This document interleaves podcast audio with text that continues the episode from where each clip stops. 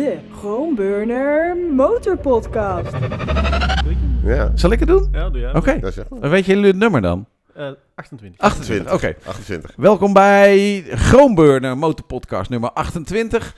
Deze keer, eh, ja, sorry, dan open ik hem even. Ehm, en voor ons is dat dan voor Joost Overzee, onder andere bekend van eh, Kickstart, maar van alle motorbladen die je maar kan verzinnen tot die tijd. Eh, Arno Jaspers, maxmoto.be en eh, ik ben Ivan van der Valk van nieuwsmotor.nl. We gaan het vandaag hebben over een eh, hele hoop motoren. Ook over motorrijden en motorgeluid. Daar ontkom je tegenwoordig niet meer aan. Ehm, het is wel zo dat, ondanks dat ik hem open, eigenlijk Arno altijd degene is die ehm, het, ja, het agendadeel doet. Ja. Dus die ook gaat zeggen, joh, waar mogen we het over hebben nu? Ja, eh, ik zal dan maar meteen beginnen, want ik heb met de KTM SMT gereden. Oké, check. Eh, de KTM SMT. dat is een Legendarische naam. Ja, dat is een motorfiets die Ja. jullie natuurlijk kennen, want die naam die gaat al eventjes mee. Jullie kennen hem van de SMT 99, Ja. de Ja. V-Twin. Ja, Ehm, daar wilden ze het eigenlijk bij KTM dit keer helemaal niet over hebben. Echt niet? Grappig genoeg, ja. Nee. Er was een, eh, een perspresentatie die toch wel eh, anderhalf uur geduurd heeft, eh, waarin volledig werd ingegaan op het hooliganistische aspect van de nieuwe SMT Supermoto Touri- Travel. Touring, Travel, maar, maar ja. ja. travel. nee, In de tijd was het travel, maar misschien is het nu touring ze, ze hadden het Ja. nu over touring, maar ehm, ja, het was dan eh 27.000 slides over hoe je eh, helemaal sideways een hill climb race kan doen en alle records kan Ja. gaan breken in Pikes Peak. En ah ja, je kan ook nog een hoog windscherm en koffers krijgen. Bom, en dan gaan we nu rijden. Oh ja. Ehm, nee, het, wa- het was echt... ehm, dus om even terug te komen, je had vroeger de SMT 99, daar willen ze het nu niet meer over hebben, omdat het echt wel een totaal andere motor is geworden. Hè. Ja, misschien je- kan ik die even kort Ja, belichten. Dan zal ik dat ja. heel kort doen. Beschrijf SMT eh, was in de tijd... Nou echt, eh, KTM was net het hooliganmerk aan het worden. En dat ging supergoed. In die 99 daar hadden we de, die Super Duke vooral van. En toen kwamen ze met die SMT. En toen dacht eerst iedereen, wat hebben we daar nou in vredesnaam Mhm. aan? Een ding ziet eruit als een supermoto, maar moet dan voor travel zijn. Ja. Ze hebben er ook drie van verkocht ongeveer. Alleen toen ze stopten met dat ding, was opeens heel motorrijdend... Nou, eh, Europa volgens mij. Oh, die SMT was geweldig. Ja, ja, Ja. De prijzen stegen opeens als een dolle. Mhm. Opeens moest iedereen een SMT hebben, want dat was de ideale motor. Maar ik denk dat ze het er niet meer over willen hebben, omdat dat de V-Twin was. Ja, Echt dat is... Nou, het is, het is wel Ja. geestig, want jij begon er inderdaad over van, eh, dat ze het er niet over wilden hebben, over V-Twin. En ik, ik betrap mezelf er nu al op dat ik denk, oh ja, V-Twin, Ja. dat was een V-Twin. Ja. Dus En op de een of een andere manier, de- zo'n staande, zo'n staande twin, dat begint er langzamerhand een beetje in te dalen in, Ja, eh, ja. in mijn kop. Een Terwijl, laf parallel twinnetje. Ja, Ja. Dat, dat vind ik... Maar jij gaat dat anders uitleggen, want het was Laf, vast niet eh, laf. laf zou ik het zeker Maar niet dan- noemen. Oké, ga Ja. door, sorry. Sorry. Ja, nee, nee, dus ga jij maar door. Het, Ja. is, het is nu dus eh, een 890 parallel twin geworden, zoals eh, ja, alle KTM middenklassers eigenlijk. Hè. We hebben eerst de Duke R gekregen, dan Adventure. Eh, of eerst de Duke, dan Duke, dan Adventure, dan de R-modellen eh, en zo on en zo on. En daar hoort nu dus ook opnieuw een SMT bij. Eh, lang verhaal kort, hij bevindt zich pal in het midden tussen de Adventures en de Dukes in. Ehm, dus je hebt wel de 17-duimers, schietwieltjes en de WP Apex eh, redelijk korte vering. Maar je hebt dan ook het frame en eh, windbescherming en de koffers en het comfort eigenlijk van de Adventure. Dus eh, ja, supermoto slash touring, Crossover dat, dat noemen, dekt, dekt de lading echt Ja. wel. En volgens mij was dat ook bij de originele SMT wel ja, het, een identiek concept. Met dat verschil dat we dus nu met die, die 890 Parallel Twin aan de gang mochten. Ehm, Hill Climb heb ik gehoord. Ja, ja, we zijn een heel klein gaan doen. dus ehm, een van, eh, ja, ik mag het geen officiële KTM-ambassadeur noemen, maar wel iemand die heel veel voor KTM rijdt. Dat is Chris Fillmore. Oh ja. Eh, die heeft ehm, vers- verschillende en zo. records op Pikes Peak. Daar wordt helaas eh, niet meer geraced na een aantal... Niet meer met motoren. Nee. niet meer met motoren geraced, Nee, goede correctie, na een aantal dodelijke incidenten.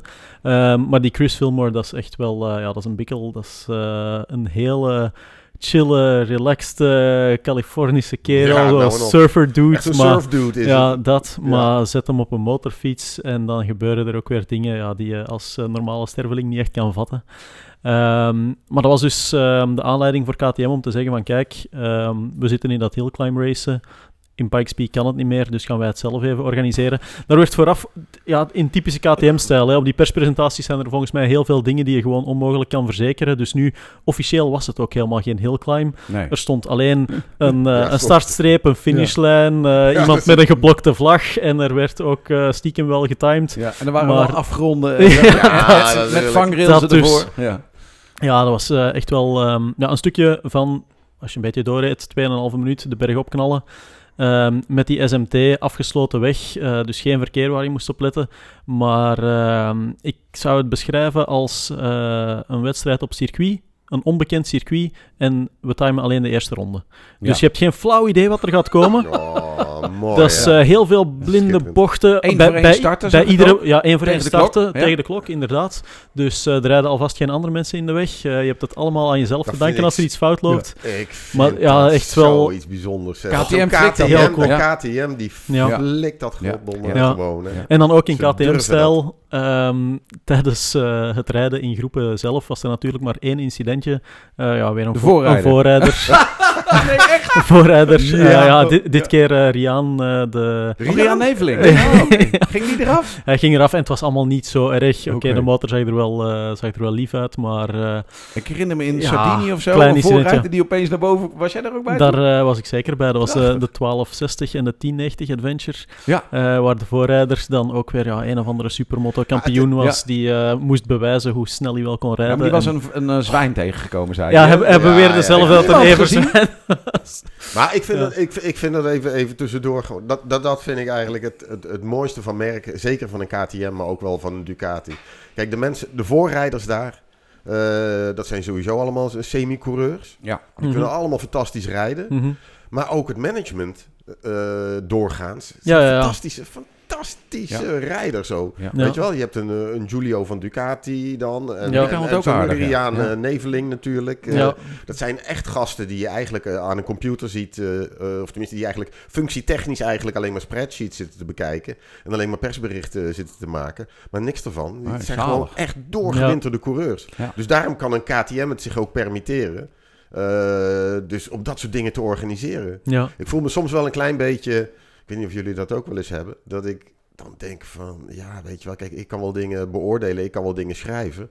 Maar die gasten die kunnen ook goddomme goed rijden, weet je wel. Ja. Bij, Japanners heb je er nooit last van. Nee, nee, maar nee. bij, bij deze gasten, die lezen het en die denken... Ja, maar overzee, wacht eens even. Ja. Ja. Ik was per ronde was ik zoveel sneller. Ja. ik, was die, ik was die heel climb, was ik veel sneller op dan jij. Ja. Ja, en bij de Japanners is het eh, employee no riding. Dus, ja, ja, ja, eh, nee, precies. Dus, ja, ja, nee, ik snap wat je bedoelt. Ja, dus, bij- dus, dit- nou, Ja. goed, maar Bij- ga door. Beter confronterend. En bij KTM heb ik dan ook altijd het gevoel, of vroeger was dat toch nog meer, dat als je op zo'n perspresentatie kwam, dat voorafgaand aan de perspresentatie er al, ja, dus iedereen van de CEO tot de poetsvrouw rijdt met de motor, rijdt ook eh, ready to race, keihard Ja. met de motor.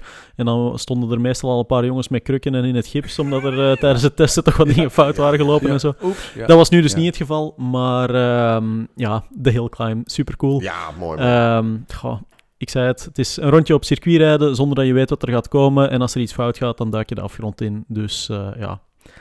Klinkt als KTM. spannend. Ja. spannend. Ja, ik heb er ook het. wel filmpjes van, die gaan binnenkort online eh, verschijnen op maxmoto.be. Iedere bocht heb je het gevoel dat je veel te traag aan het rijden bent. Maar ehm, ja, die SMT is dan wel weer de perfecte motor daarvoor. Want dat ding is eh, ja, enerzijds... Hij heeft het, degene van, van een Duke 890, dus ja, er zit echt serieus wel, wel poeier in. Het is geen 115 pk, maar 105 pk in deze motor. Hij is een beetje teruggetuned voor meer koppel. Dat is dan ook iets wat ik heel graag heb en een logische move vind En is er eh, dan voor ook op straat. En dat voel je ook Oh, gewoon echt. ja? Het is echt een enorm verschil, want bij die vorige, dat weet ik nog, daar had ik altijd het gevoel dat het ding gewoon eh, heel veel power had, maar heel piekerig. En Klopt. ja, dat hij precies zo il eh, liep, dat hij ja, te weinig benzine kreeg of zo, ik weet het niet. Van het minste moment dat je het gashendel dichtdraaide, dat er ook zo geen motorrem was, dat hij gewoon baf ja, stil viel. Ehm, deze voelt een stuk natuurlijker aan. En dan moet ik erbij toch ook wel zeggen dat ehm, voor mij de grote nieuwigheid op dit ding is dat je een, eh, s- een snelfunctie hebt. Waarbij dat je als je 3 tot 5 seconden op de ja, linkerknop, onderste knop duwt Oh ja. in het minuutje, dat gewoon eh, je tractiecontrole, slidecontrole uitgaat. Dat hadden ze echt Nou, al lang even- geleden moeten introduceren. Want. Even, ja. even, even een kleine, kleine kanttekening daarbij. Want ik Hm. was toen, wanneer was het? Een aantal maanden geleden met de 890 Adventure. ja, En, en daar werkte hij dus niet op eh, de Ja. meeste dingen, de meeste motoren. Ja. Ja. Dus, dus, dus je komt aanzetten op het verharde. En, en in één keer is eh Riaan, de genoemde Riaan zo, die, die vliegen daar een bospad op. Ja. Ja. En dan zit jij nog te kloten omdat Ja, die ja, ja, voorprogrammering niet ja. werkt. Ja. Maar goed, oké, dat zal wel even... Zogenaamd- Eindelijk dit. Om Ja. maar te zeggen, dus ze hebben een shortcut gevonden in die elektronica. En ja, dat lijkt als iets heel kleins, maar dat maakt het gewoon zeker op zo'n dag als bij de Ja. perspresentatie. Ja, ja, ik, kan- ja, ik kan me voorstellen dat voor particulieren minder. eh, ja, dus aan is gewoon een Super. knopje, knopje naar boven. Nice. Ik kan me voorstellen dat dit soort eh, snufjes dat dat voor particulieren misschien niet echt nodig is. Maar op zo'n dag waarbij je constant bezig bent met op afstappen voor fotoshoots, voor lunch op weet ik veel, eh, dat je ook al eens van motor wisselt en zo, dan is het toch echt wel een geruststelling dat ja, niet iedere keer wanneer je je killswitch gebruikt of wanneer dat je het, eh, het contact omdraait, dat dat ding zijn instellingen weer kwijt Oh, is. man, nee, man, man, man, hij man. blijft gewoon staan en eigenlijk na drie secondjes ben je Ja. vertrokken. Dus Europese betutteling. Ik Ja. verbaas me ook dat dit mag. Want Ja. normaal is er altijd, eh, nee, dat kan niet, want dat mag niet. Ja. Eh, we mogen niet één grote hooligan-knop hebben, pats, alles uit. ja, super tof. dat is dus, Ja, dat is dus goed wel. nieuws. Ehm, en dat is eigenlijk maar een kleinigheid, want ehm, ja, als ik dan verder inga op het technische aspect van de motor. ehm, ja, dus zoals gezegd, supermoto. Je hebt 17 inches eh, Michelin GP Pro banden met heel veel grip, die waarschijnlijk ook veel te snel gaan slijten voor de gemiddelde toerrijder. Eh, er werd ook helemaal niet gepraat over hoeveel er in je koffers kan en wat het benzinegebruik is en weet ik veel wat nog allemaal. Eh, er werd vooral gepraat over... ja, ik had iemand op Instagram die stelde me de vraag van wat zijn de dingen die je meteen zou veranderen hieraan. En ik begon aan te denken van ja, voor de looks meteen dat hoge spatbordje eraf slopen en Nee! terug, terug zo'n lager Nee! spatbord. Jawel joh. Oh, jongen, om- in, eh, nou? Om meer in de stijl van die, van die 990 eh, te geraken. Nee. Ze hebben zo'n laag carbonnen spatbordje, veel mooier. Oh, nee. Maar dat is dan belachelijk, hè? want uiteraard, wat wil je? Ehm, je wil die quickshifter hebben. Dat is, Ja, eh, altijd. ja, dus dat is optioneel. Ja. Eh, je krijgt hem eerste 1500 oh, dat- kilometer en dan moet je betalen. Oh, dat haat ik. Die Tesla-methode is dat. ja, dus dat, dat is echt Vreselijk. iets... Kan ik, kan ik niet inkomen. Nee. Ik snap waarom ze het doen, maar... Nou, Ja, KTM stopt like Tesla, alles doet het. Mercedes ook wel. In het ja. segment. zo, Ja, ja. echt slecht. Dus dat was Nee, er... maar we moeten, ja. we moeten het even, even hebben. Je kan het hebben over de rijeigenschappen van dat ding. En dat die leuk oppakt en zo allemaal. Mhm. Maar waar het echt om gaat, dat is dat voorspatbord. Daar hebben we toch wel, daar hebben we toch wel even een, een, een, een mening over. Ik vond de, de 990 SMT uit die tijd, dat vond ik eigenlijk gewoon de perfecte motor. Gewoon omdat die qua looks, die zag er zo evenwichtig uit. En dat was een heel mooi ding. Waar de, de, de, de oude Duke, Super Duke, Ja, dat is natuurlijk een heel agressief Ja. ding. Die Adventure, nou ja, oké, dat is leuk. Maar goed, dat eh, vond ik niet interessant. Maar ik vond hem zo mooi in evenwicht. En de eerste foto's die ik zag van de nieuwe SMT, dacht ik, fuck, Ja. cool, dat hoge spatbord. Echt? Maar ja, echt waar. Echt Oh, nee. waar. Weet je, omdat eigenlijk, wat een, een Ducati Desert Sled, wat, eh, Ja. wat, wat hem leuk maakt, dat is dat hoge spatbord voor. Ja, maar daar heb je echt een offroader. Daar heb je echt een offroader. En bij die Monkey kan je ook nog met een beetje goede Ja, wil ja. als, eh, als kleine scrambler beschouwen. Maar dit ding, ja, geen mens die hiermee offroad gaat rijden. Hè.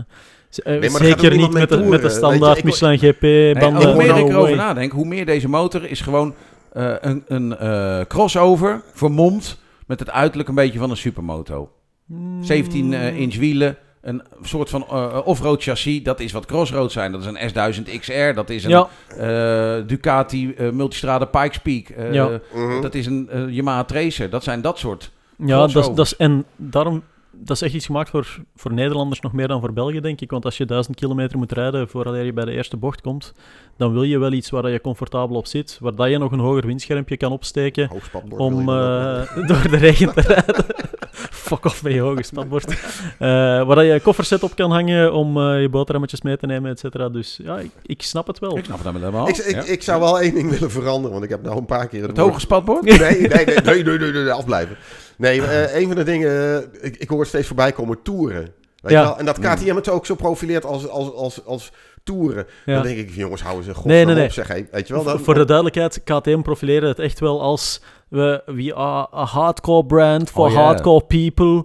Ja, goed. Scooter. hill climb, In de house. more power. Ja. Dat was het allemaal. En dan was het van, ah ja, er kunnen ook nog koffers op en het is wel comfortabel. Oh, oké, oké, duidelijk. Want anders dan, eh, dan moet ik toch even terugdenken aan onze gewaardeerde Arie Blokland.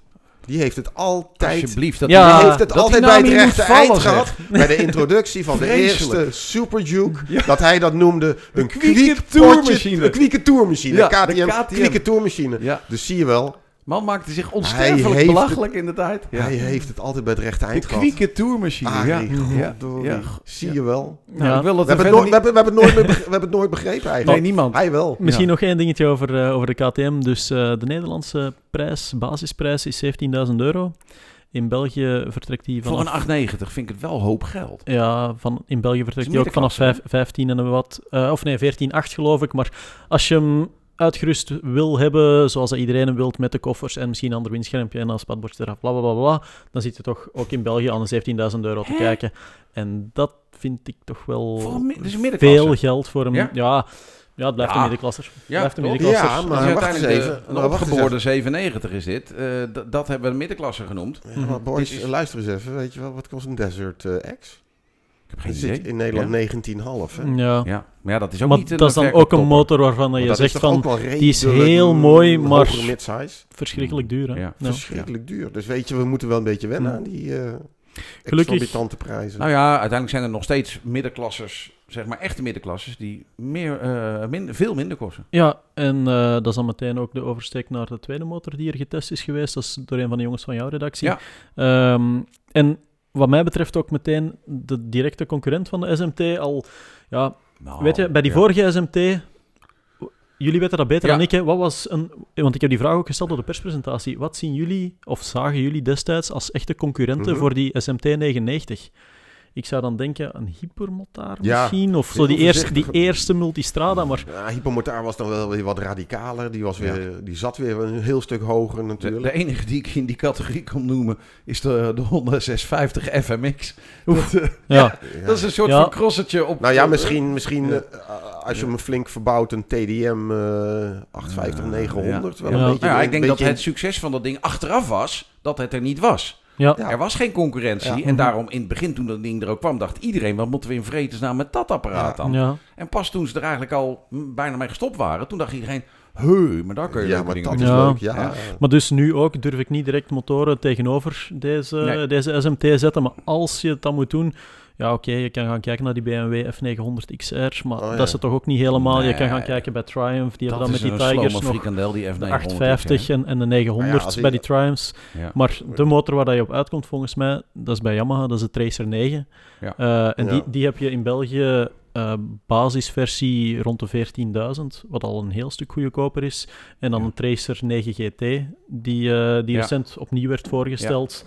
Ehm, daar zit je in België ook iets aan, aan de ja, 16 en beetje, geloof ik. ja, maar dan is die wel kant-en-klaar. Dat dus. Dat is het grote verschil. En ik denk ook dat, eh, ik- mm, hoe zeg ik dit netjes? Ik ben bezitter geweest van een aantal KTM's. En die waren niet voor de eeuwigheid gebouwd. Mhm. Ehm Yamaha's zijn over het algemeen wel voor de eeuwigheid gebouwd. Jij, Dat is een eufemisme dit. eh, Ja, hè? Klein beetje understatement. Ja, niet nou, voor de laat, eeuwigheid laat, laat ik het anders zeggen. Ik ben eigenaar geweest van een Super Duke. Eh, en daar was ik blij dat ik daar vanaf was op een gegeven moment. Want Oké. eh, die dingen bleven gewoon niet heel. Nou Ne- zijn er mooi- 99? eh, of- 99. 99. Oké. Ja, ja. En uiteindelijk is dat niet het allersterkste punt van KTM. Dat zie je ook aan ontwikkeltrajecten. Japanners, als die motor bouwen, eh, als ze daarmee komen, hebben ze er al 3 miljard kilometer mee proef gereden. En is dat ding er eigenlijk al 10 jaar. KTM die zegt, we willen nu een nieuw model en hij is er volgend jaar. Ik bedoel, dat was in de cross altijd al zo, dat is op straat zo. Die zijn daar iets anders in dan Japanners gewoon. Mhm. Ehm, maar afgezien daarvan, als dit de brug is naar de Tracer 9 GT Plus, zoals hij zowel eh zo mooi heeft. eh, onze Ralf heeft daarmee gereden, Ralfie Ralfie. Ehm, en ik denk eigenlijk dat Yamaha daar iets meer van maakt dan dat het daadwerkelijk is. Het is gewoon een Tracer 9. Mhm. Daar zit dan wel alle elektronica op die je maar kan verzinnen. Eh, eh, hoe heet dat? Cruise control met radar. eh, een, een, een die ook ingrijpt op de remmen. Eh, alle elektronica, eh, dik dashboard. eh, he- het is er allemaal, elektronische vering. Maar eigenlijk is het gewoon een chique versie van Hmm. een Tracer 9. Mhm. En eh, de Tracer 9 is een fantastische motor in mijn optiek. Is echt, als je een motor zou kunnen kopen, denk ik dat dat heel dicht in de buurt komt van een Zwitser zakmes. Ja. Kan alles. Ja. Ehm, punt is alleen wel een beetje, volgens mij probeert Yamaha met deze Tracer 9 GT Plus te verbloemen dat ze geen zware motoren meer hebben. Want Hmm. de FJR, daar hebben we het in het verleden al over gehad. De politie zou wel een FJR weer willen hebben, of de Ja, ja, ja, ja. Maar ze hebben ze niet meer. Dit is het zwaarste model wat ze hebben. Ja, Tenere 1200, En die hebben ze lang niet meer. ook niet Nee, Die meer. is al lang eh, eruit. En dat was ook eh, geen succes.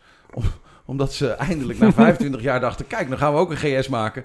Alleen hadden ze, niet in de hadden ze even niet goed op de specsheet gekeken naar Ja. het gewicht. Oh, 100 Ja. kilo te veel. Ja. Jammer. Ja, was ja, echt dat was echt super zonde. was wel een erg leuk ding. Ja. Eh, Bent u eigenaar van een eh Tenere ja. 1200? Kunt Ja, u, ja, eh, ja. u kunt u boze mails sturen naar motorpodcast.nieuwsmotor.nl.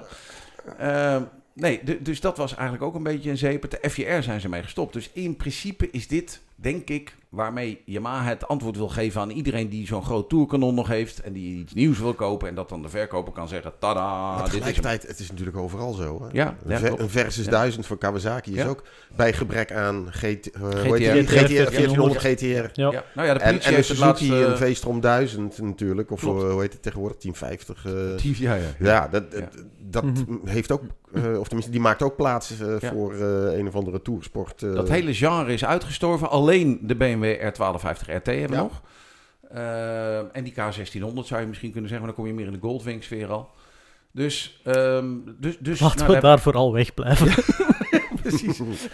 Ehm, dus uiteindelijk heeft laatst de politieaanbesteding laten zien van jongens, die zijn er niet meer. Dus iedereen naar de BMW. Nou, als je geen Ja. zin hebt in die BMW en je komt met je FJR bij de Yamaha dealer en de Yamaha dealer zegt tegen je, joh vriend, wordt het niet eens tijd voor wat nieuws? Mhm. Dan zeg je, ja, maar wat dan? Nou, daar is die Tracer 9 GT Plus voor. Maar om heel eerlijk te zijn, ja, is dat motorisch natuurlijk niet in de buurt van Nee. eh, een FJR of een eh, R1250 RT. Dat heeft niets met elkaar te maken. Maar ja, aan de andere kant is het wel een zeer rijk uitgerust ding. Heel compleet. Nog meer Zwitser zakmes dan dat de vorige dat was. Of dat de standaardversie Ja. dat is.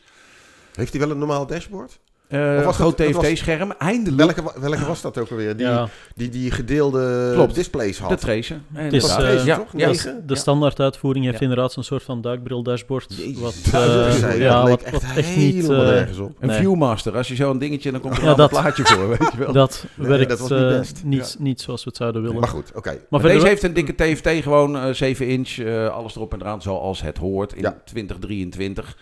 Ehm, dus, dus Dus gewoon een motor waar je oud mee kan worden. ja, absoluut. Dit Ja. is een super compleet ding. Ik denk dat je hier een waanzinnige motor aan hebt als je een apparaat zoekt voor lange afstanden. Alleen laat je niet in de luren leggen met het verhaal dat dit een goede vervanger zou zijn van je FDR, FJR 1300. Want dat is volgens mij echt een, een Ja. stap te ver.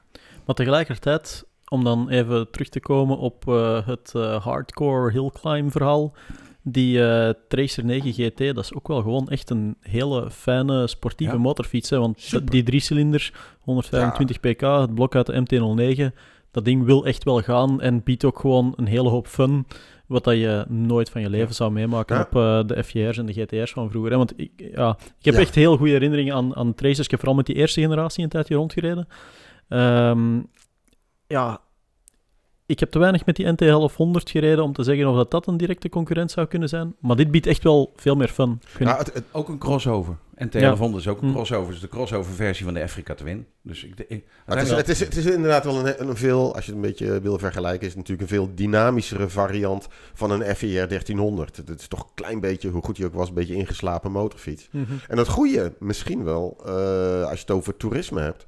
Het goede is natuurlijk bij een, eh hoe heet het, bij zo'n Tracer 9. Eh, maar ja, ik zeg altijd van, van haarspeld power, weet je wel. Als jij Zo, echt wel. met, met, met, met bagage en moeken achterop Mhm. eh, op vakantie gaat. Moeken. Als ze Eh. dat hoort, dan stompt je gewoon recht op je neus, hè? Marjan, als je dit hoort... Moeken. Nee, maar weet je wel, haarspelden, uitkomen van een haarspeld. Ja. Dat is super belangrijk Ja. voor hele volkstammen aan motorrijders. Ja, ja, ja. Die met z'n tweeën op vakantie gaan en zo. Ja. En als je daar gewoon helemaal, helemaal geen power hebt, dan, ja, dan ben je uitgeschakeld. En, en zo'n 900 drie cilinder. Die driecilinder is gaaf. trekt daar Ja. prachtig Die uit het natuurlijk. Dat is achterwiel onwijs belangrijk eh, voor, Ja, die, klopt. voor, dat, eh, Ja. voor die rijders. Ja. Ik had verwacht bij de SMT Ja. dat het een hardcore plankhard afgestelde racemotor zou zijn Ja. voor het image. Dat is dus absoluut niet, hè. Oh, wauw. Hm. Ik heb, eh, net zoals de meeste journalisten, eigenlijk wel de hele dag met de vering lopen klooien. Eh, WP Apex vering, volledig instelbaar, heel gemakkelijk met klikkertjes. Je kan het gewoon, zelfs met de handschoenen aan, kan je, kan je eraan beginnen prullen. Maar dat hebben we dus ook wel moeten doen. We hebben die dingen echt wel moeten dichtdraaien. En ik kan niet zeggen dat ik de gedroomde perfecte setup gevonden heeft, maar dat heeft volgens mij vooral te maken met het feit dat dit op Sardinië was, wat eigenlijk Oh, ja. gewoon een, eh, ja, een afgesloten circuit zou moeten zijn. De wegen daar is fantastisch. Ja. Dat is, de hele eiland is gewoon één grote hill climb race. Dus eh, automatisch wil je daar heel sportieve, strakke vering. En ehm, zo komt die standaard zeker niet. Wat dat volgens mij een goed ding is, want als je dan eh, hier in Nederland eh 100 snelheidsdrempels of in Vlaanderen eh kasseistroken gedaan hebt, dan ben je maar blij dat die vering was achteraf gesteld is. Mm. Ehm, ik denk dat hij daar meer in de buurt komt van, van de Tracer. Dat het toch wel Ja. meer voor de comfort setup Is gaat. dan eigenlijk, als ik het een beetje Is het toch een begrijp- FMX? Ja, als het...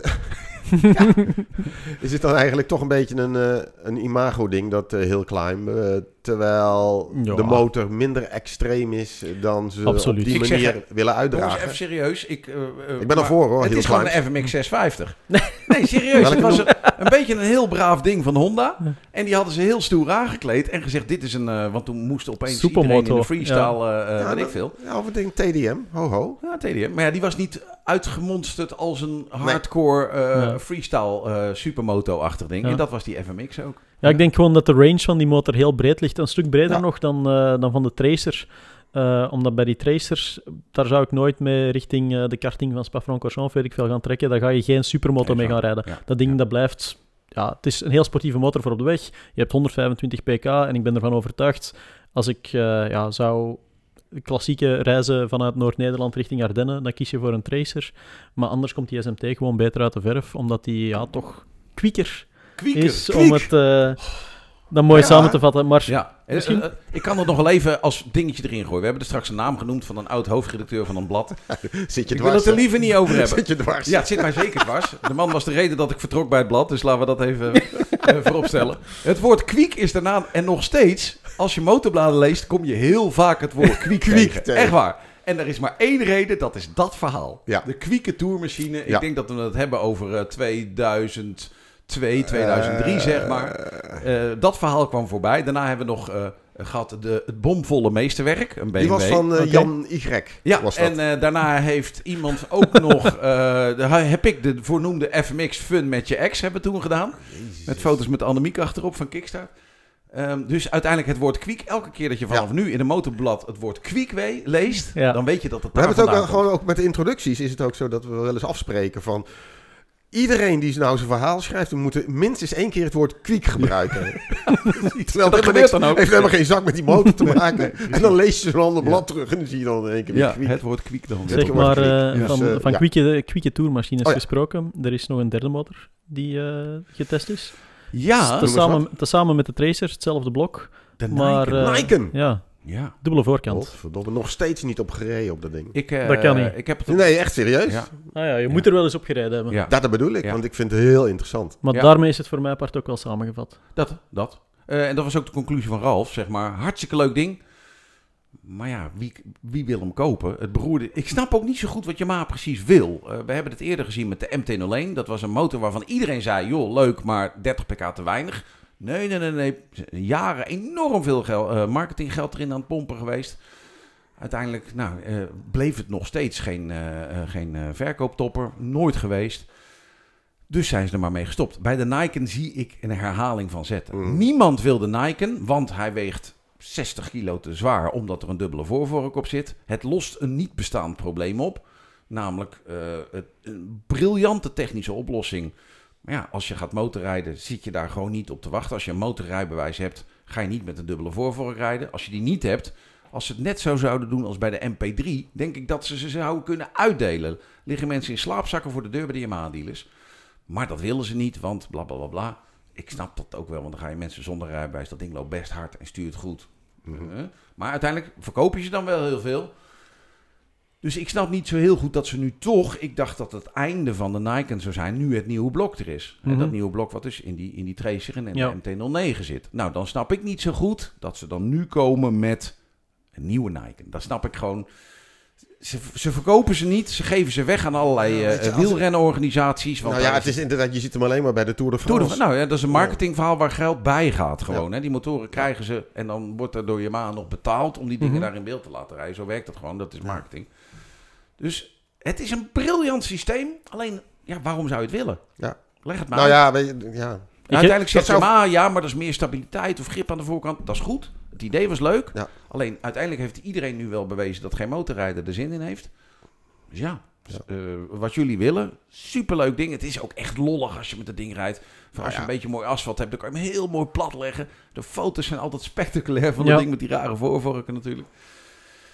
En ik, ja, uiteindelijk is het een lollig ding. Maar op een gegeven moment snap ik dan niet dat Yamaha zegt... joh, oké, we hebben het geprobeerd. We hebben het laten zien aan mensen. Ze hebben het allemaal geprobeerd. Mhm. Uiteindelijk wil niemand zo'n ding kopen. Bijna niemand. Dat moet, er, zijn, er zijn wel wat van die dingen verkocht natuurlijk. Ehm, ik denk wel dat het de klassieker gaat worden. Collectors item. Ja, Mhm. echt waar. Want uiteindelijk koop je zo'n ding en die dingen zijn technisch fantastisch verzonnen. Ja. Het is gemaakt door een Japans merk voor de eeuwigheid.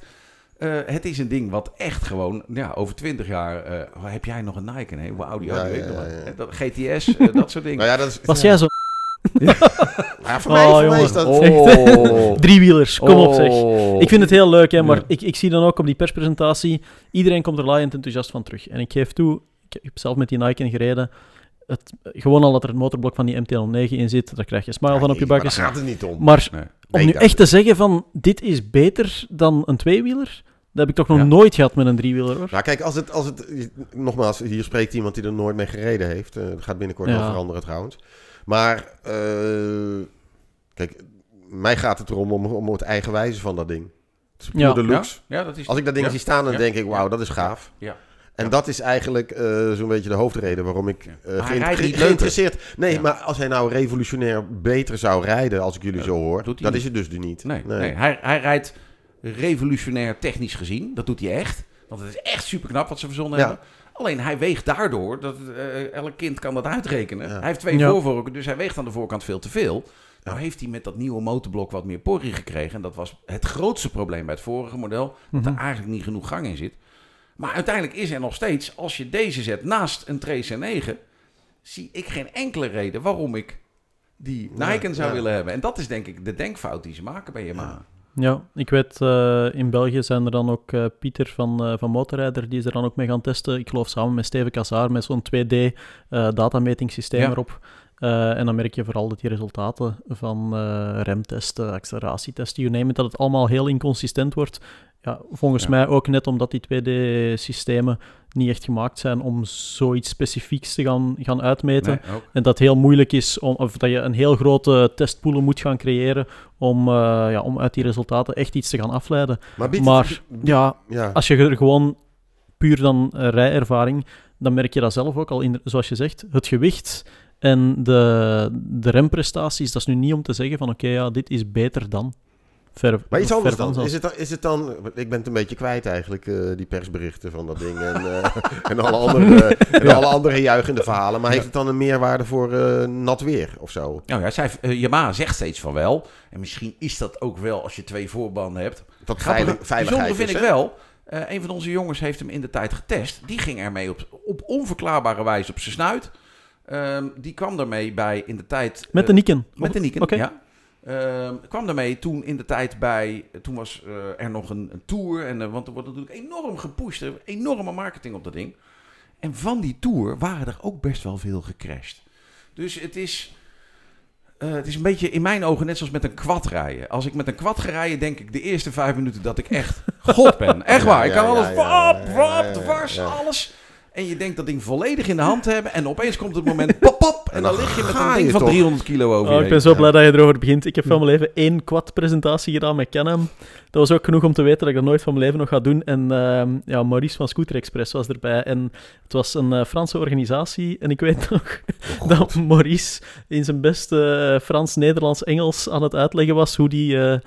Yeah, first I, uh, I give some gas and I go to the left, and then I drift to the right, and all of a sudden I was standing in the middle of the field. dus, ik hoop dat Maurice het zich nog kan herinneren, want ik lag echt in een duik van het lachen. Maar dus dat typische verhaal van, ja, ik heb het helemaal onder controle, Ja, ja, ja. maar dan Ja. wel de rijder achter je die bij de volgende stop al zegt van, nou, eh, je wiel kwam toch al redelijk eh, Ja. van de grond af. Ja, en dan in één keer ben je hem zo ver kwijt. Ja, Ja, dat, ja, dat is in mijn... Misschien is dat een beetje bij die Nike aan de hand. Ja. Ehm, ik bedoel, ik kan het cijfermatig helemaal niet over onderbouwen. Je maar de advocaat hoeft niet gebeld te worden. maar er waren toen in de tijd bij de eerste, eh, in mijn ogen, best wel wat crashes van die dingen. Dat ik dacht, En nou, vooral lowsiders ook. Nou, ja, en Ja. tegelijkertijd, we, we hebben het de vorige keer natuurlijk over gehad over de Ducati Street Fighter. En als je ziet hoezeer zo'n ding beveiligd is met digitale vangnetten, ja. op alle vlakken. klopt. Klopt, ja. En Kun met je dubbele afvragen voorwielen of- wordt dat lastiger alleen Kun- maar. ja, precies. Kun je, kun je je afvragen of dan een, een, een Nikon Nikon eh, dan meerwaarde biedt op het gebied van veiligheid. Want Ja, zo'n zo'n Ducati Street Fighter, die is bijna uncrashable. Ja. Tenzij... tenzij maar, Do nee, not nou ja, test me, hij Joost. Hij Daag me niet uit. hou mijn bier even vast. Ja, ik heb binnenkort ook weer een vergelijkingstest met zo'n ding. Maar goed, ehm, Ja. Nee, maar Ja. goed, eh, de, crashen met zo'n ding, dat is bijna alleen maar te wijten aan een menselijke Ja. fout. Ja. Ja, dus ik, eh, samenvattend over de Nike GT, want zo heet hij dan ook nog. Grand Tour. Ehm, ik, vergelijkbaar met een eh, Honda met DCT, een briljante oplossing voor een niet bestaand probleem. Mhm. Waarbij wel het nog zo is dat de DCT, nou in ieder geval zoals Honda het voorspiegelt, zakelijk nog een succes is. Is hij weer met zijn DCT hoor. Precies. Oh, en eh, ja, ik op. nu met zo'n ding, joh. Het is echt... Oh. Is nog steeds? Eh, nou, ja, het, nou, het zit me elke nacht nog dwars. Ehm, en en bij, ja, bij Yamaha zie ik het gewoon niet. Het is Nee. gewoon eigenwijzigheid. En dat is op zich hartstikke leuk aan motorrijden. Maar eh, volgens mij denk ik dat Yamaha je- al jaren aan een dood paard trekt. Weet je wat? Nou, even los echt van alle technische dingen over een Nike en dergelijke. Weet je waar je zo moe van zou kunnen worden? Dat je het iedereen weer moet uitleggen. Ja? Ja. Je parkeert, ja. dat, dat schiet me nou in één keer Ja. te binnen. Je parkeert een ding. Wat is Zo, dat voor een Wat motor? is dat voor ding? En dan denk je, nee. ja, ben je gehandicapt? Ja. Ja, ben je gehandicapt? Oh, Het zijn ook altijd knappe vrouwen die die vraag stellen aan het Nee, tankstation. hè? nee, het zijn allemaal lelijke, lelijke oude mannen. Oh, exact dat. Dat heb ik niet. Ik maar dat is een interessante. right. Ja, oh right. Daar zou je helemaal geen zin in hebben. Al die aandacht. Ja. Dat is ook de reden waarom ik geen Ferrari koop. Hmm, is dat het? Ja, ja, ja. Ja, maar dat durven ze niet naartoe natuurlijk. Nee Eh, joh, maar inderdaad, iedere keer opnieuw dat verhaal. Je ja, moet het het weer uniek. Dat, ja, in één keer Ja. schiet me dat te Ja. binnen. Maar ja, vooral wat me, eh, met die MT-01 was dat hetzelfde. Ehm, dat ding kwam uit. In het eerste jaar verkoop je dan eh, wat van die dingen, zo werkt het dan. Mhm. Daarna stort dat dan in. Ja. En dan zag je dat het merk enorm begon te sleuren. Een tour, een, weet ik veel, allerlei eh Hmm. evenementen. Kuipje erop en zo, eh, eh, ja, ja. Nog meer proefrijen. Mensen, Ja. Want mensen moesten overtuigd worden. Dat is Ja, dan het geloof, hè. Niemand wil hem, maar mensen moeten, als ze er eenmaal op zitten, dan willen ze hem wel, denken ze. Dus nu Nope. zie je- datzelfde zie je bij die Nike gebeuren. Nog een Nike Tour en nog een dit en nog meer reclames en nog meer van die dingen in de Franse wielerwedstrijden. En Gewoon afkappen. Nou ja, eh, het is niet mijn geld. Dat moeten ze lekker zelf weten. En ik, ik vind het, ja, eh, ik denk dat over twintig jaar, als dit nog een bandje nog eens afgedraaid wordt, dat mensen zeggen, "Pff, die dingen zijn nu een ton per stuk waard, joh. Wat willen jullie dan? Ja, who knows. Ja, We gaan Anyway. het nog over guilty pleasures hebben, over eh, MT-01. ja. Voor Ja, de volgende. Dat, Ja. is, Voor de dat is volgende. mijn slotwoord, hè? dus eh, Ja. kijk uit. Hè? Ik stel voor dat we eerst even gaan pissen. Bij Groenburner vind je alles op het gebied van motorgear. We hebben het grootste aanbod motorkleding van de Benelux tegen de scherpste prijzen. Met meer dan 100 merken is er altijd wel eentje die past. Dus kom snel langs of bestel via onze webshop. Je vindt ons langs de A59 bij Nieuwkuik of natuurlijk via groenburner.nl. Groenburner Motorgear. Fun starts here. Zo, dus de motoren waarmee we gereden hebben, die eh, hebben we wel gehad. Maar er is nog een nieuwigheidje voorgesteld. In eh, het eh, iets wat hipsterige soms Amsterdam heeft Harley Davidson de nieuwe Livewire Del Mar voorgesteld. En ik zeg dan wel Harley Davidson, maar eigenlijk is het dus eh, hè. oeh. Twee aparte merken. Ehm, Uitkijken. de Del Mar, de, S2 Delmar heet die S2 officieel. Delmar. Ja, Harley Oké. heeft een S2 Delmar. kort samengevat. Wat is de S2 Nee, Del Mar? Livewire. Livewire S2. Ja, dan zeg je weer Harley. eh. Zei ik Harley? Ja. Oh, nou ja. Dus, Ter gewoonte. Ja. terug opnieuw. Er moet nog veel meer gepiept worden uit eh, de uitzending. Ja, nou, de, de S2 Delmar is het goedkope elektrische model van eh, Livewire. Livewire is een spin-off van Harley Davidson. Daar is Kimco ook een beetje bij ingestapt. Mhm.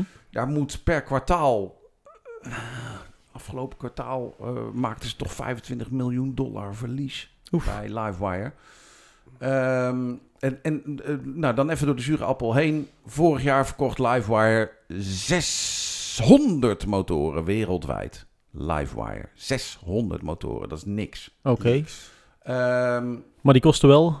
die kosten wel heel veel. Veel. Ja, nou, ehm, daar is ook een beetje een overgang geweest. Eerst waren dat natuurlijk de Harley Davidsons. De nieuwe eh, CEO van Harley heeft eh, be- bedacht, en ik denk dat hij een punt heeft, dat die elektrische toestanden toch niet zo passen Mhm. bij de huidige eh, fanbase van Harley. Dus hebben ze dat afgesplitst. En ook financieel zie ik daar wel mogelijkheden. A, omdat ze bijvoorbeeld Kimco erbij kunnen krijgen. En B, stel dat het nou helemaal één grote eh, clusterfuck wordt. Dan kunnen ze dat merk gewoon eh wegdouwen of zo, weet Ja. je wel.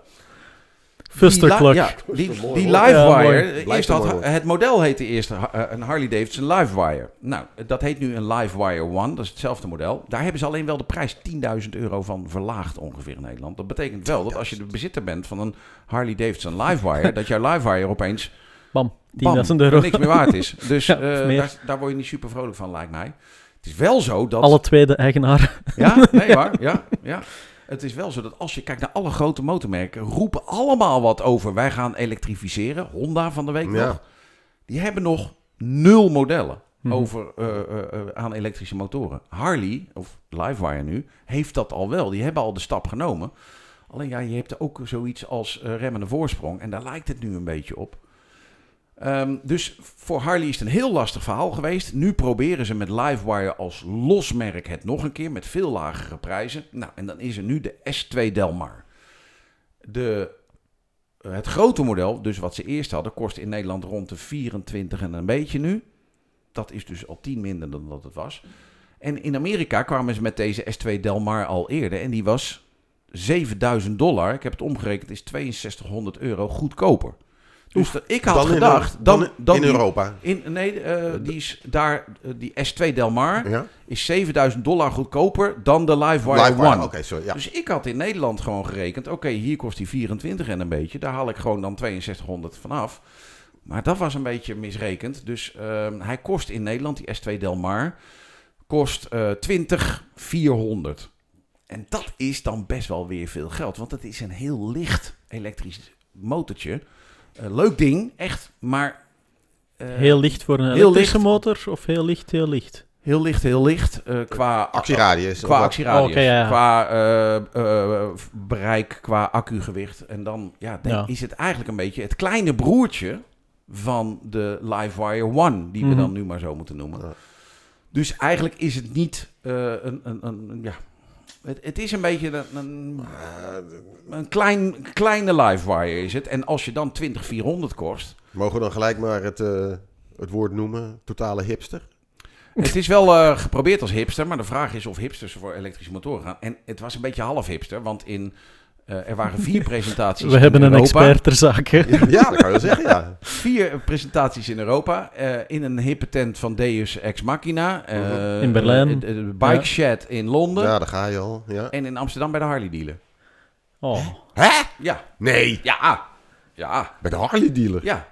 Ik had verwacht in de koffieshop of Ja, zo, of weet ik eh, veel. Dus ja. toch. Ja, dus bij de Harley toch. dealer. Dus- Ja, ja, dus dat is de... maar ja, een beetje jammer. Ja, nou ja, de grap is dat eh, er zijn Harley dealers, die zijn de eerste Livewire dealers ook. Dus die splitsing is natuurlijk op papier heel makkelijk, maar in de In praktijk realiteit is is het wel een beetje lastig. Dus Ze worden eh, toch nou ja, verkocht via de Harley Davidson dealer. eh, er zijn een aantal Harley Davidson ook Livewire dealers, zo is het volgens mij. En ze willen wel proberen losstaande Livewire dealers te vinden. Maar omdat de verkoop, als je 600 motoren wereldwijd ko- verkoopt, kan je eigenlijk niet daar een zelfstandig dealerschap op draaien. Dat is gewoon onmogelijk. Dus, ehm, dus, dus het is niet makkelijk. Ik vind het wel stoer wat ze doen, want uiteindelijk Ja. blijven ze eh, voorop lopen. En als ik dan zo'n persbericht van Honda krijg, hyper de piep, hoezee, en we hebben nog nul modellen, dan denk ik, Mhm. nou, eh, Wel een Red Dot Award trouwens. wel een red dot. Wel zes. Dat dus, Zes ja. Red Ja. Dots Award, maar geen elektrische ja. motorfiets. Voor de, mensen die, ja, voor de mensen die dit niet begrijpen, eerst even de vorige De aflevering moet je even ga bekijken. even terug ja. naar, de, luisteren. naar de Groenburner Motor Podcast 27. Ja. Ehm, dus, dus nou, ik denk dat dat de S2 Del Mar als motor, we weten nog niet hoe die rijdt, want dat was ook nog een statische presentatie, eh, die dan in vier locaties in Europa werd gedaan. Ja, de realiteit gebiedt me te zeggen, er zijn nog maar heel weinig motorrijders die elektrisch motorrijden. En eh, Harley Davidson is daar een van de merken van. En die loopt dan van de grote merken nog voorop. Maar ja, een Zero van Energica is al mijlen verder. Ja, je moet wel En laten heel we eerlijk graag- zijn, die mijlen verder is ook nog niet zo gigantisch ver. Nee, hè? Want nee, als je dan Nee. de meest, eh, hoe moet ik het zeggen, vooruitstrevende elektrische motorfietsen neemt, als zo'n Enerica ehm, Xperia, geloof ik, of Ja. de, de Zero DSRX. Ja, Ehm, die DSRX heb ik de press launch van gedaan, rijdt fantastisch ik goed. van die Xperia. Ja, dus rijdt echt eh, ja, voor mij apart vergelijkbaar met eh, een GS zonder geluid. Maar dan is de batterij plat en ja, exact. dan En zit bij- je echt ja, met een probleem. Ja, ja, Ja. ja, en bij die S2 Del Mar is er ook nog heel weinig bereikt. Het is echt gewoon een beetje als stadsmotortje. eh, Ja. hè, dat, en, en niet onaardig bedoeld, maar er zijn meer motoren die heel geschikt zijn voor de stad. De stad heet Ja. tegenwoordig de Urban Jungle. Urban Maar- Jungle. Nou, Ja, het ja, is ja. de S2 Del Nee, Mar maar is Urban Jungle. Urban Jungle. Nou, nee, maar dat is In hipstertaal is In hipstertaal en zo allemaal. En dan ben ik wel heel erg negatief daarover. eh, Ja, want jij, was toch zo'n elektroman? Jij woont toch in Almere? Er zijn, ik kan je verklappen, er zijn ontzettend weinig hipsters in Almere. Terwijl alle Amsterdammers er wonen. Nee, nee, nee. Weet je, dit is lekker makkelijk katten op eh, hipster en zo allemaal. En knotjes en eh, dergelijke. Eh, dat bedoel ik helemaal niet. Want ik bedoel, iedereen rijdt maar op zijn eigen manier. Er interesseert me verder helemaal geen fluit wat voor cultuur eraan vast eh, Exact. hangt. Ik wil het enige, enige wat ik wil zeggen is dat ik die Del Mar vind ik wel waanzinnig cool uitzien. Hij ziet er goed Absoluut. uit. Nee, klopt. Hij, Ja. Het is Volledig echt een mooi ding om te zien. En hopelijk, want ik bedoel, ik sta ook helemaal niet tegen elektrisch, eh, heet het, te- tegenover elektrisch rijden. Daar sta ik best wel positief tegenover Mhm. zelfs. Omdat ik het gewoon als aanvulling eh, zie en, eh, van, van, van benzinemotoren. Mhm. En we kunnen nog kiezen. Eh, dus, dus hopelijk door zijn uiterlijk. En eh, ja, krijgt een Livewire dan toch wel een klein beetje aandacht. Zeg maar. Dat ze wel wat meer gaan verkopen, Ja. weet je wel. Nou ja, dat vond Want ik vind dus zo'n zo'n Del het schokkende deel. gaaf ding. Ja. Het schokkende deel vond ik dus dat, eh, omdat Livewire afgesplitst is, moesten ze opeens openheid van zaken geven, omdat ze ook beursgenoteerd zijn. Ja, dat is eigenlijk... En dan kom je achter dat cijfer. ja. Ja. Oh jezus, ja. Ja, dan kom je achter die cijfers en dan je 600 in een jaar. Oh, dat is echt wel niks. Ja, Ja, als volgende onderwerp had ik ook staan, eh, dat is dan niet over Livewire, maar over een totaal andere merk Harley Davidson, waar, eh, ja, Ja, waar de op. verkoop een beetje slabakte, zullen Ja, we maar zeggen. Slapakte? Ehm, ja, dat is- dat is weer Vlaams voor... Slabbakken. eh, Slabbakken. nou, Ja, de, verkoop, wel. de Ja. verkoop liep terug. Ja, ja, Zullen we het ja, zo ja, zeggen? ja. Ja. Nou, ik weet niet of de totaalverkoop eh terugliep.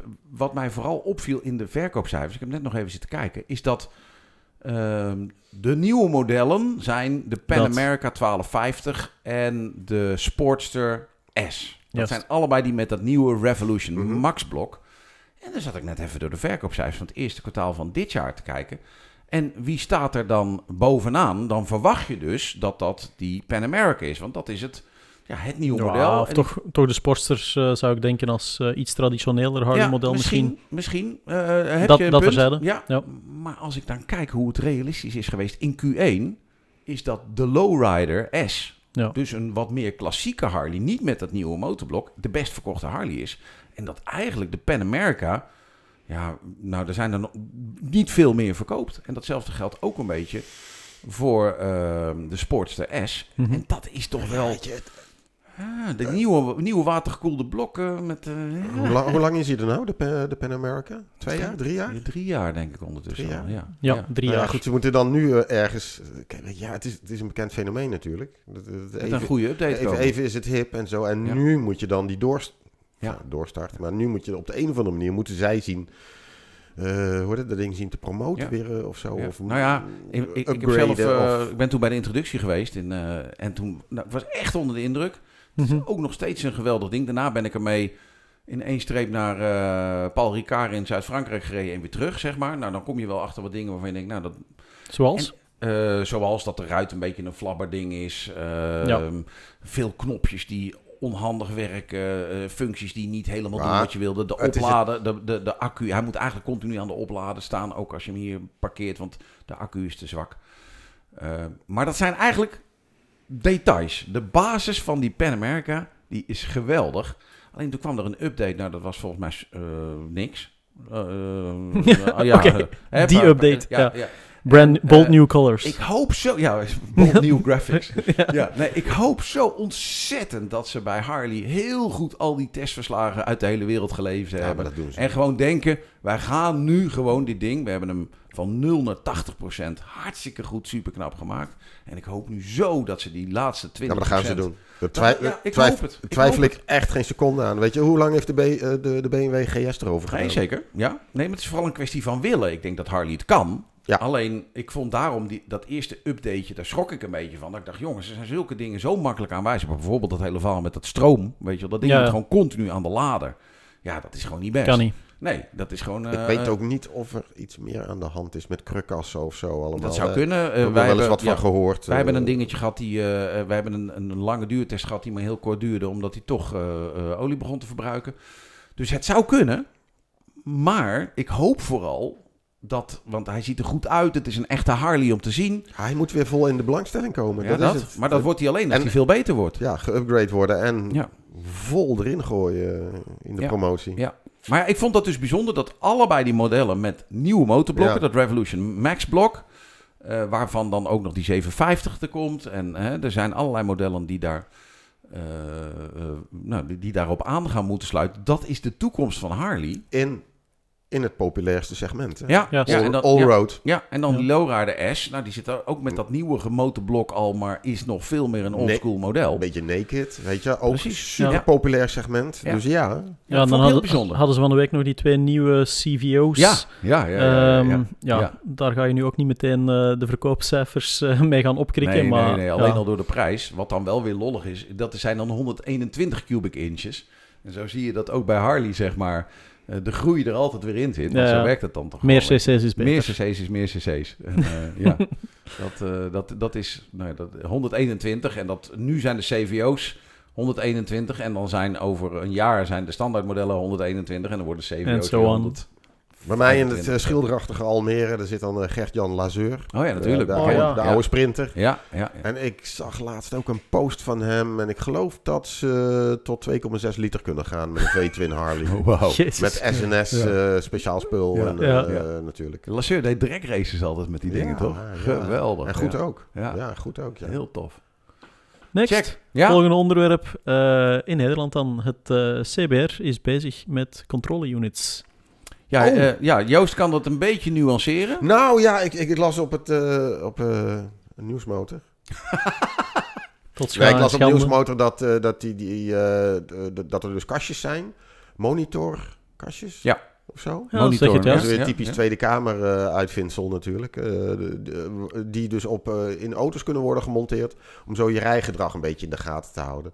Eh, toen ben ik, notabene, ik eh, ben ik eens wezen kijken op de site van de Tweede Kamer.nl.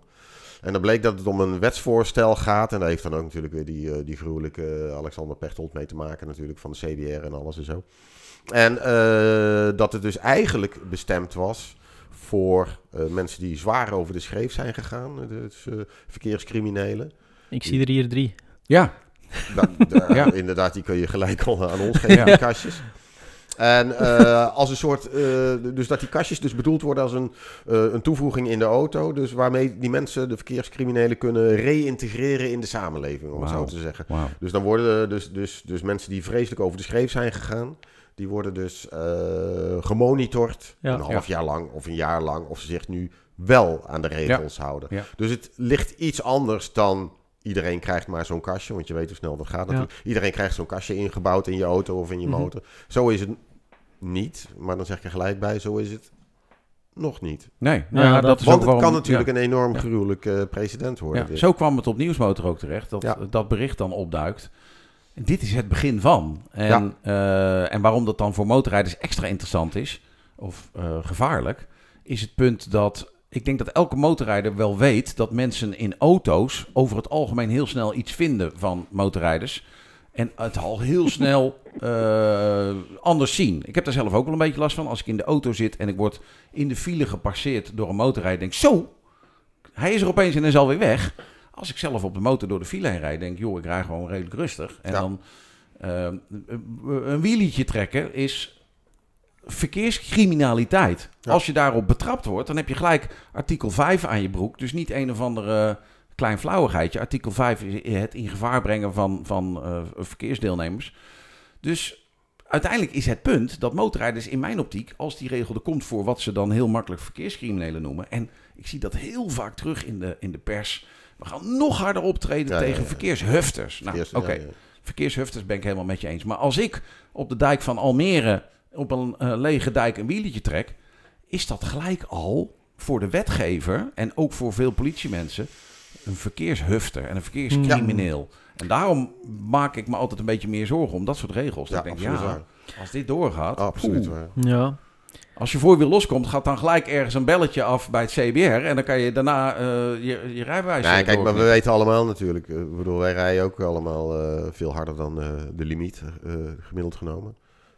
Ik ontken Spreek voor jezelf. Voor de vorm. Spreek voor jezelf. Ik ontken Je kan alles. het ook nog ontkennen. Zou ik even doen, gewoon voor eh, het juridische deel, zeg maar. Voor Het de- juridische deel, kijk, wij houden ons natuurlijk allemaal keurig aan de snelheid. Exact dat. dus eh, 100 km per uur, dat. eh 100 km per uur in een woonerf. Mm. Hey, en, eh, nee, maar, maar we- ja, nee, het, het is precies iets, precies wat je bedoelt.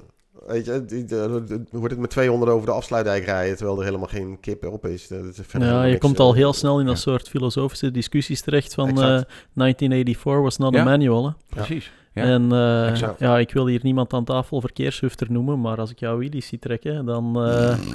stel ik mezelf, pff, ik eh, noem geen namen, te maken. Ja. maar eh, dan denk ik ook van ja, wil ik belasting betalen om die jongens de ziekenhuisrekening eh, te financieren? Nu Ja. gelukkig in België is dat Oh. allemaal geen last, maar ja, je komt al heel snel in dat soort Ja. Ja. straatjes zonder einde terecht. Nee, absoluut. En daar wordt dan meestal Ja. heel veel over geschreeuwd en gedaan op social media, waar je beperkt bent tot zoveel tekens.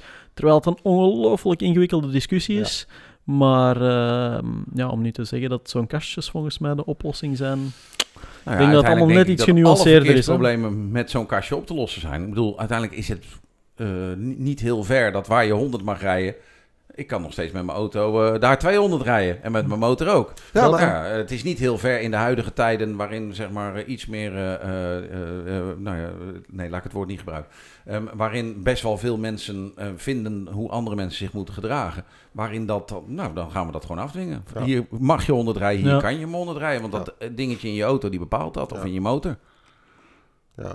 Die kant gaan we op, denk ik. En ik denk dus dat dit de eerste stap is daarvoor. Ik zag inderdaad ook een item eh, op het eh, journaal ook weer. Inderdaad, dat er eh, veel meer gebeld wordt weer in auto's. eh, dat de telefoon, de smartphone veel meer gebruikt wordt op fietsen. Ja, in tegen auto's 100 en per uur. Ja, Wat wil je? Ja. Ja dat. Sorry. Maar dat sorry, ik onderbrak dat je. werd Jij zag gelijk met, met Ja. foto's die dus van die, eh, van die masten zijn genomen. Of van die, van die bruggen over, Ja, eh, ja. over snelwegen. En dan wordt dus keurig gewoon gekeken. En dan zie je mensen dus inderdaad zo aan een telefoon zitten. Ja. Ik ben een ongelofelijke tegenstander van het gebruik van eh, smartphones in je auto. Mhm. Ook op fiets. Fietsers Ja. die krijgen nooit voorrang van mij als ze aan het bellen zijn. nee, nee, nee, nee. Dat, Daar ben ik gewoon, Spoor van vernietiging laat hij achter zich. ben ik gewoon absoluut op tegen en zo. Maar goed, eh, kijk, ik ben daar fel op tegen. En ik, ik, ik zou willen dat daar veel harder nog tegen opgetreden wordt. Ja. Echt? Maar Ja. goed, Ja? Bellen in de auto? smartphone. Ja, Ja. liberale vrijheid, blijheid, man. ja, maar goed, eh, vrijheid zonder telefoon, hè? Dat, eh, Ja. dat, nee, maar maar, dat is daar, daar ben normaal, ik, ik ben daar, ik ben daar, ik ben daar echt zwaar op tegen. Gebruik van telefoon in een auto. Gewoon omdat ik merk dat Hm. mijn aandacht direct is afgeleid. Ja, Ja. maar Mijn aandacht Kijk, is compleet ik afgeleid. kan me herinneren maar dat goed, dat vind ik. En- Ja. Ja. Ik heb het daar gewoon moeilijk mee. Oké, ik snap het. Eh, je, moet, je, moet, je, moet daar, je moet daar lijnen gaan trekken. Maar als ik vroeger bezig was met, eh, met mijn radio te klungelen in de auto, of ik kan me nog herinneren, eh, als klein kind op de achterbank Hm. ruzie aan het maken met je vriendjes en dan pa die zich even omdraait, een paar lappen uitdeelt. eh ja, die, die, die was dan niet afgeleid of wat. eh what the Zie je voor je, hè? Ja. Ja, Ja, dat is vier jaar geleden. ja, dat- ik voel het nog. Hebt Nee, nee, maar ik, bril, ik- inderdaad. Ja. nee, maar ik wil maar zeggen, ja, afleiding die, die is er constant en overal. En ik snap dat ze daar weer grenzen in willen trekken, maar pff, ja, moeten we daarom aan 100 per uur allemaal met twee Nee, handjes nee, op kwart voor 100 per uur. twaalf? Nee, ik heb het eh, alleen over gebruik van een telefoon in de Ja, auto. Hè? Ja, ja. nou, maar Ja. wat, wat Ja, Arno oké. bedoelt is dat vaak als je 100 rijdt, dan heb je zo weinig te doen. Eh, Ja. Als je naar TT-circuit moet, is echt een ramp, jongen. Nee, eh, serieus. ja. Vanaf Ja. Zwolle, dan Ja. vallen je ogen gewoon dicht met Ja. die 100. Ja. Echt vreselijk. Ja, dan ga je wat makkelijker op je telefoon zitten kloten. Vooral als die op het dashboard in een houdertje staat. Ja. Dan ga je maar zitten Maar wat doe je dan bellen. met de motor? Ga je dan ook wel 100 rijden? ja, Angry Bird Ja, spelen nooit. met de cruise Ja, control nee, op. Nee, nou, ik rijd met de motor eigenlijk altijd harder dan eh, met, de, met de auto. Ja. Alleen op de, in de, eh, de voordeel is, in de, op de motor heb ik niks anders te doen. Dus ik zit supergoed op de vangrails op te letten als ik op de motor zit. Dat is erg. En in de auto zit je maar een beetje tompie dompie dom om je heen te loeren, weet Ja. je wel. Dat, dat eh, ja, eh, pff, ingewikkeld. ja. Ja, heel moeilijk om lijnen Ja, in te trekken. ja. Hè? Ja. Maar om dan te zeggen van ja, oké, stop overal een controle-unit in en het lost zich wel op. Dat is toch ook bullshit, hè? Nee, maar het beroerde is dat het, wel waar, dat het wel waar is. Als je die controle-unit bij iedereen in zijn voertuig bouwt, gaat niemand meer te hard. Want dan gaat het ding automatisch, als je een woonerf inrijdt, Ja. 30, kling, 30, Ja. 100 rijden, kling, 100. Het is, de techniek kan het al lang. Heel Om, om nog even door te steken naar zo'n andere discussie. Stond ook weer in het nieuws het geluid, Oh, eh, de geluidsproblematiek. ja.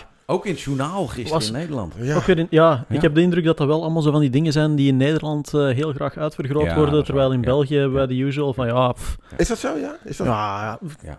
Nee, wij hebben ook eh, mensen voor hun tegenstanders, Nee, nee, uiteraard. maar als puntje bij paaltje komt, is het van ja, ja, en iedereen doet gewoon zijn eigen zin. Ja, maar dat in is, Nederland dat is gewoon de- Vla- Vlaamse, Belgische cultuur, zal ik dat toch maar Nee, dat is waar. Dat zie ik ook wel voor me hoor. In Nederland Ja. zijn ze iets meer eh, politiek correct en eh, dat, soort, eh, Ja. dat soort onzin. Ehm, ik zie het dat er een clubje is met eh, wat mensen die klagen. En dat snap ik eh, in een aantal gevallen best. Het punt is alleen dat dat clubje zichzelf wat meer georganiseerd heeft. Ehm, en dat, zo zie ik het in ieder geval, de mag in Nederland Mhm. degene is die daar ongelooflijk veel aandacht aan besteden is. Terwijl er wel meer van dat soort klaagclubjes zijn op allerlei vlakken. En die gewoon in mijn ogen het beste dood kan zwijgen en gewoon het er nooit over hebben. Maar dat klaagclubje in Nederland, de NEFOM van meneer eh, Hardenberg is dat dan. En meneer Hardenberg die eh, springt graag voor de camera.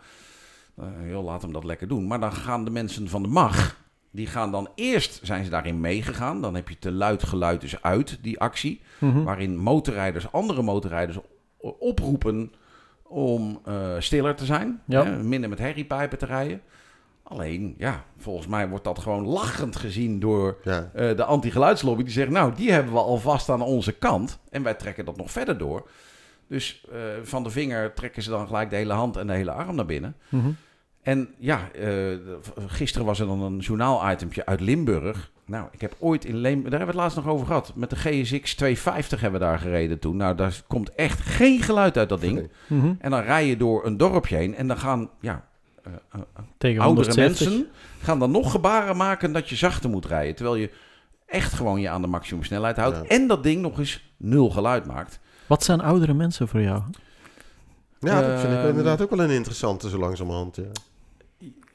Want ik vind dat zo moeilijk. Ja. Hè? Bij, bij dat soort discussies wordt dan ook zo vaak een oud tegen jong. Om nu maar een voorbeeld te Mm. geven. Ik was dan gisteravond in Antwerpen nog eens naar de Decathlon parking gegaan. Dat is in België echt wel gekend, want er zijn zo heel veel meetings geweest met dan eh, ja, verlaagde, getunede golfjes. Eh daar is er ooit eentje in de, in de fik gevlogen.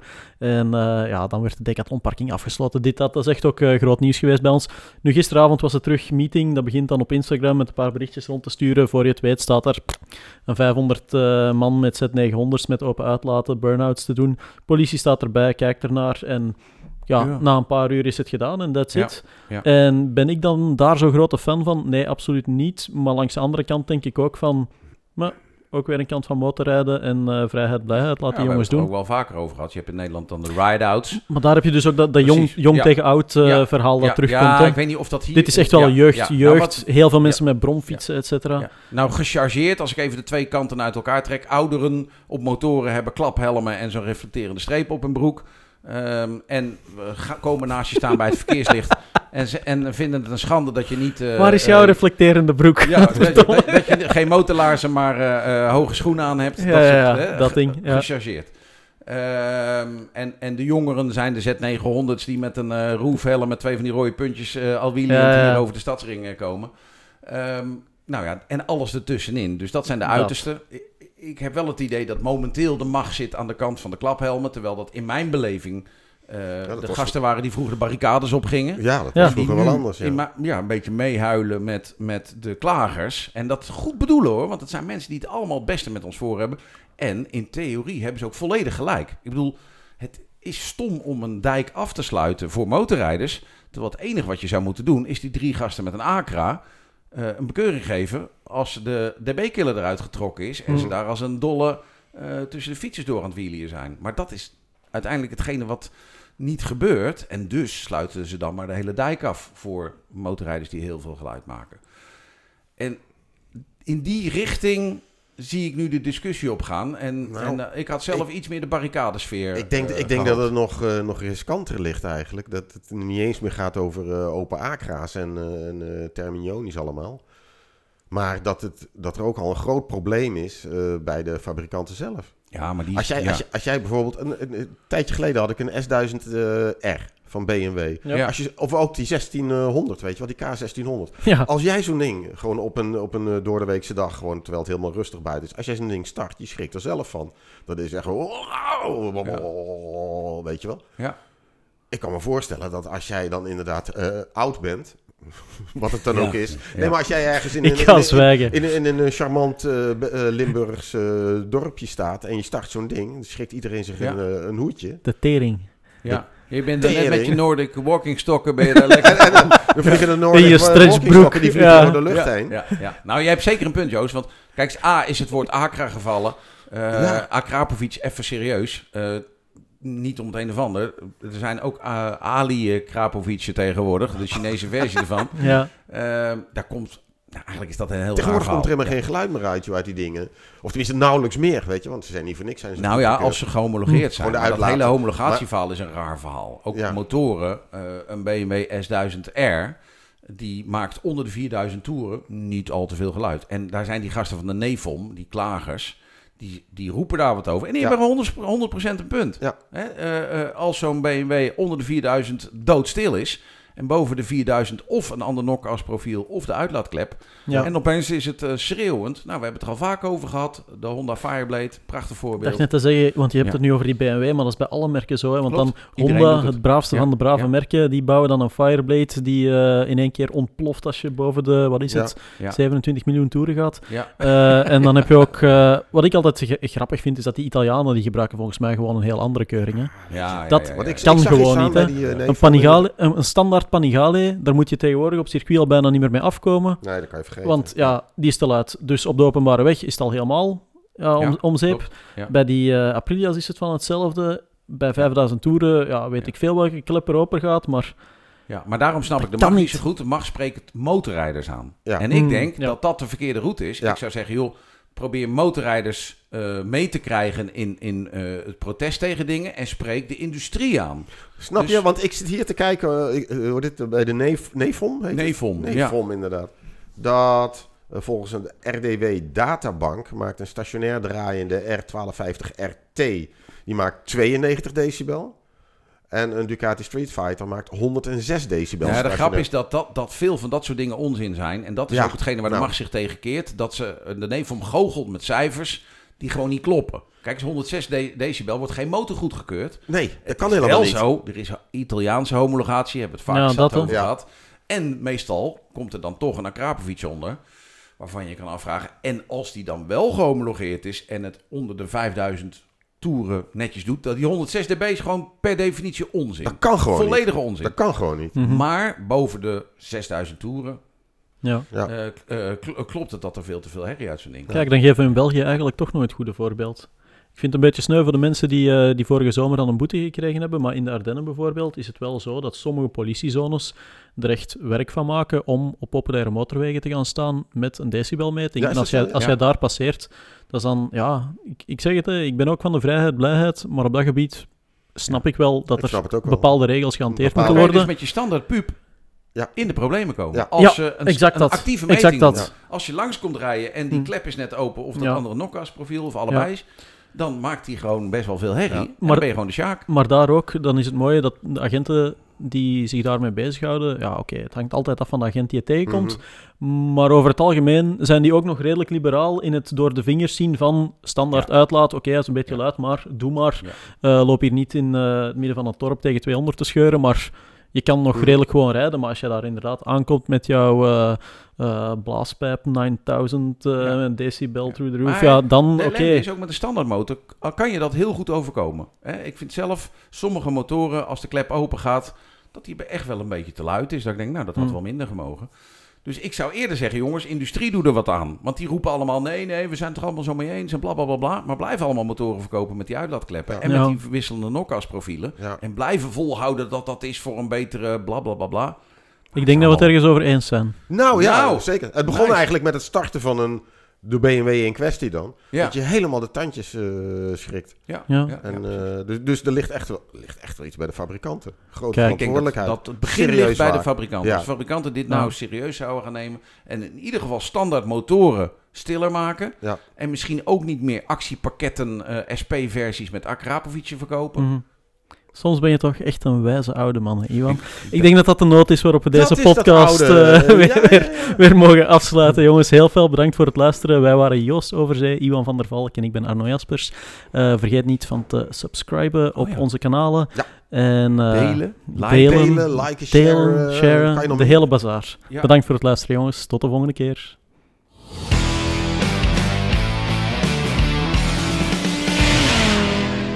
Dit was de Groenburner Motorpodcast.